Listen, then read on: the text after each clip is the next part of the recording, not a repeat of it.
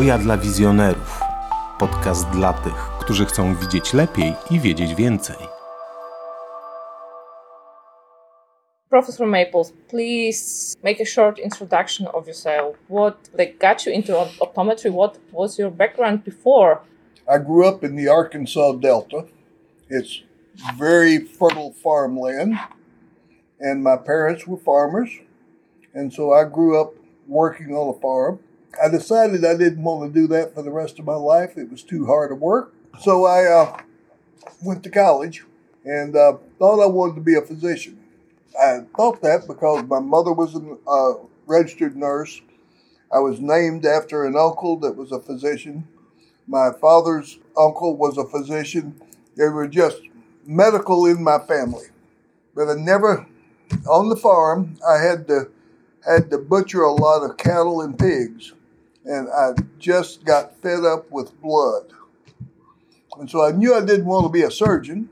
So I was thinking in terms of internal medicine or maybe psych- psychiatry. Well, it turned out that uh, I was accepted to a medical school in New Orleans, Tulane, but it was too expensive.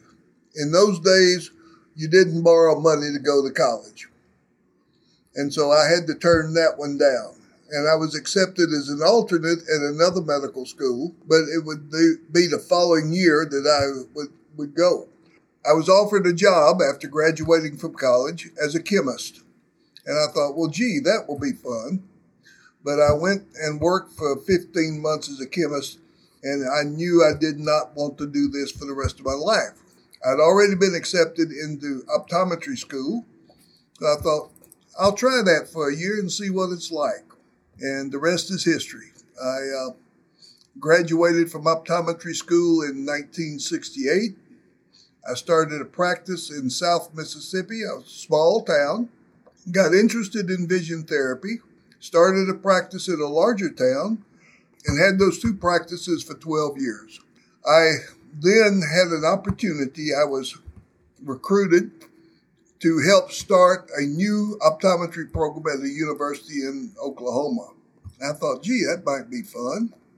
And so I went there with the intention of staying only a couple of years, getting the vision therapy department up and running, and then coming back and starting another optometry practice. 25 years later, I retired from, from the university as a, a professor. And so I'm a professor emeritus of uh, the Oklahoma College of Optometry at Northeastern State University. I then taught for five years at the school in Memphis and retired from there and built a home in, in South Mississippi. But I was bored. I, I missed optometry. So uh, I had an opportunity, I was offered an opportunity to come to Poland for five months and teach a course in vision therapy, an extensive course. I jumped at the idea of doing this. I just thought that'd be the greatest thing in the world. My wife didn't think much of it, but I thought it was. So I came here uh, five months in Shiraz and I had a great time, great time. Left, went back to the United States and just chomping at the bits to get back into optometry. And my present partner now, uh, she had a child that had a crossed eye.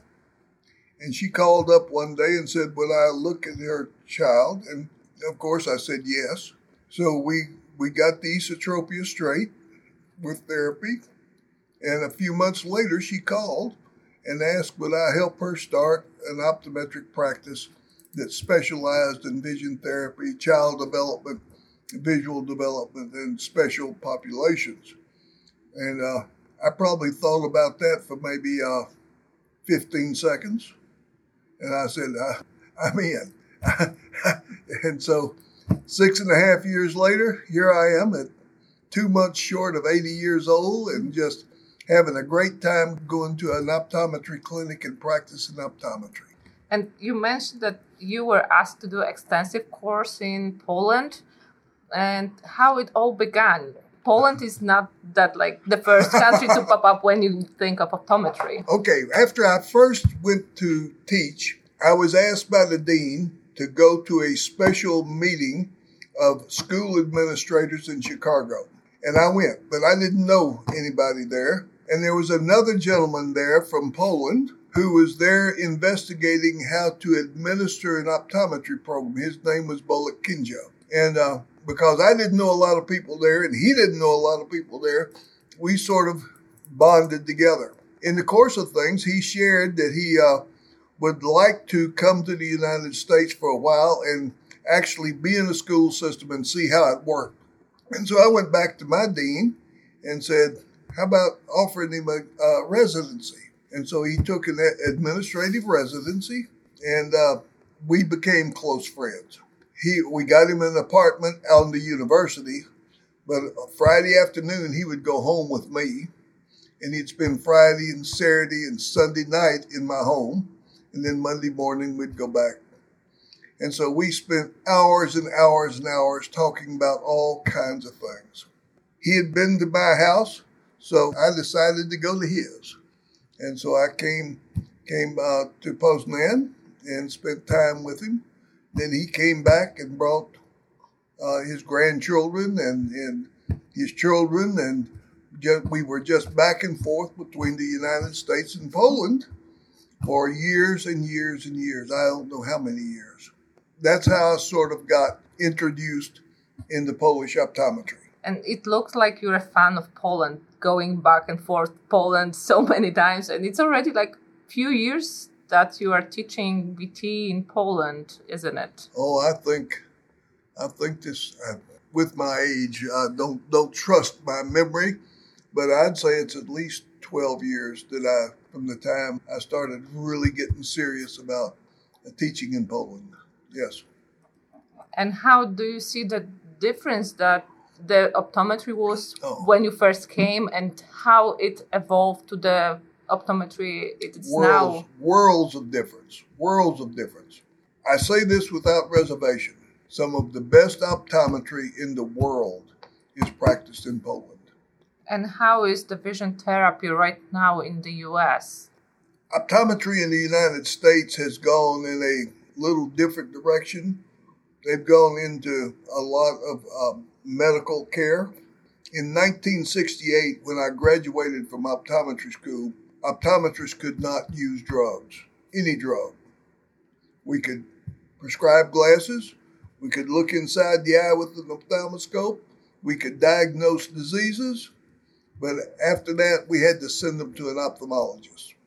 We first got diagnostic drugs in 1968. A few years later came therapeutic drugs. Uh, your basic antibiotics and, and uh, steroids and that kind of thing. A few years later, we got injectables. Now, uh, in certain states, they do laser surgery, they do extraocular surgery of, of the lids and the lashes and, and things of that nature. That's optometry in the United States. But we still have the basic core values of the profession, what makes us different from ophthalmology. Now the, the, the switch has been to, that optometry does almost everything in the way of eye disease except opening the eye, except actual surgery uh, inside the eye. We do uh, LASIK surgery, LASIK, eyelids, pterygiums, hordeolums, the whole the whole mess. But my area, one that I like best, is still in visual rehabilitation or vision therapy. Do you notice any difference in I don't know in children's uh, eye development, vision development, or like general population development uh, after the COVID or during the COVID time? as far as their eye development and uh, as their visual development, I cannot say that I did. I think there's been certainly a lot of problems with the social development, not being able to go to school in the United States for a couple of years, and uh, their ability to learn. Uh, those two years are gone, and you'll not recover them. And so I don't think that uh, that was very helpful In fact, I, I feel that was a hindrance to to our children. COVID has had a negative effect on children in the United States. But I, as far as doing something to their eyes, I don't know. And what was your like beginning with traumatic brain injuries? I know you've been in army, but it was connected to the VT that you tried, like began to treat Well, traumatic brain injuries. informally, in my my practice, I would see people who had had trauma to the head, but I never really considered it to be the traumatic brain injury. When I when I was teaching in Oklahoma, I had a student graduated from optometry school and decided he wanted to do surgery, and so he went back to medical school and became an ophthalmologist. He called me one day and he said, "WC, uh, I've got a patient you need to see." And I said, "Okay, uh, what's what's the problem?" He said, Well, she's got plenty of eye problems, but she has a visual problem. So I grabbed my trusty trial lens case and trial frame and my retinoscope and some yoke prisms and went to Tulsa to see the, this lady in, at the medical school. And uh, she was one that walked into walls. She'd start walking uh, straight ahead, and by the time she got to the end of the hall, she would be bumping into the right side of the wall. So I used some yoke prisms and treated her, and uh, that sort of got me interested in, in traumatic brain injury. And so all of a sudden, there were a lot of traumatically brain injured individuals that uh, were, were coming to see us at, at, uh, at the uh, hospital that I worked at in Oklahoma. And you, it seems like you're a really busy guy with with optometry with with VT. Like, what do you do to relax? optometry. no, I, I'm, I'm, I'm a very simple man. I, I have a vegetable garden. I love to be out in the vegetable garden and, and work off stress and, and work digging and, and planting and uh, weeding and hoeing and, and harvesting. That's one thing. I, I enjoy the gym. I have a number of friends. We all show up around four in the morning and work out for about an hour and, and visit with one another and drink some coffee. I'm real interested in my church. I teach a Sunday school class, and then I have a Bible study uh, at the gym on Wednesday mornings at 5:30. If you're ever in Hattiesburg, Mississippi at 5:30 in the morning on Wednesday, you're welcome to come. I like to travel. I like my family. You know, I'm a very simple, very simple man. And uh, I, I really, optometry is one of my my hobbies. I promise you, I'm in my 55th year of practicing optometry, and I haven't been to work a day in my life. Not since I became an optometrist. Because to me, practicing optometry is not a job, it's a calling it's just exciting to see what the human brain will do. And that's one of the things that I would really like to impress upon people is that the visual process is not an eye process, it is a brain process. And the brain is so unknown. I mean, it is, uh, they talk about the last frontier being space. The last frontier is the brain and we know very little about it. So every patient that I see is a little bit different, and it teaches me a little bit more about about brain function and how I can make that brain function better. And you talk so passionate about optometry. Are you the only optometrist in your family, or you convince someone else I'm to do only, it? I'm the only one. I'm the only one. I've, I have three girls. All they really ever wanted to do was be housewives and mothers. One actually now is a inhalation therapist, respiratory therapist. I have eight grandchildren and uh, three great grandchildren, but so far none of those have shown an interest in in uh, uh, optometry. I, I'm not going to force them. You know, it's it's their decision. If they want to do it, I'll be happy to help them. But I would rather for them to feel comfortable about what they were doing. My father was a uh, mechanical engineer, and he so wanted me to be in mechanical engineering, and I hated the idea. and we had a lot of friction uh, about that. But you know, I God was good to me because He's given me a good life, and He guided me into the right profession.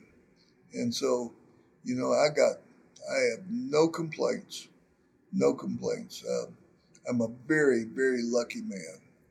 And please tell me, what would be your message to optometrists in Poland? Because I feel like we are like your children about VT because it spread so much when you started to do courses in Poland. So, what would be your message to, to Polish optometrists? Don't get too hung up on specifics.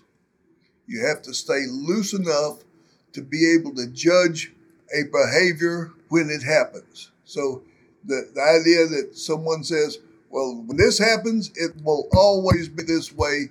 When this happens, it will never always be this way. We say with autistic people, once you've once you've examined an autistic person, you've seen one autistic person because the next autistic person you see will not be like the last one you saw.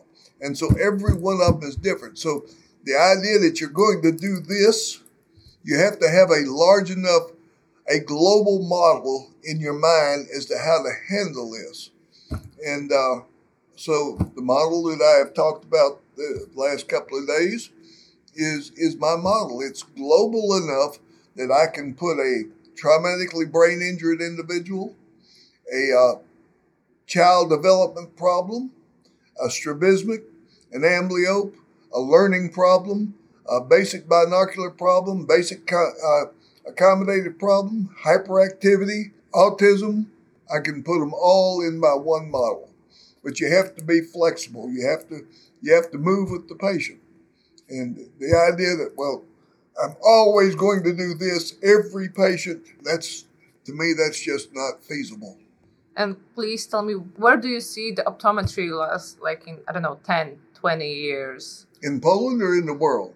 Both, in Poland and in the world. Well, you know, after I got the bug, after I really saw what I thought was the potential of optometry, there was not a lot of optometry anywhere in the world except in the United States.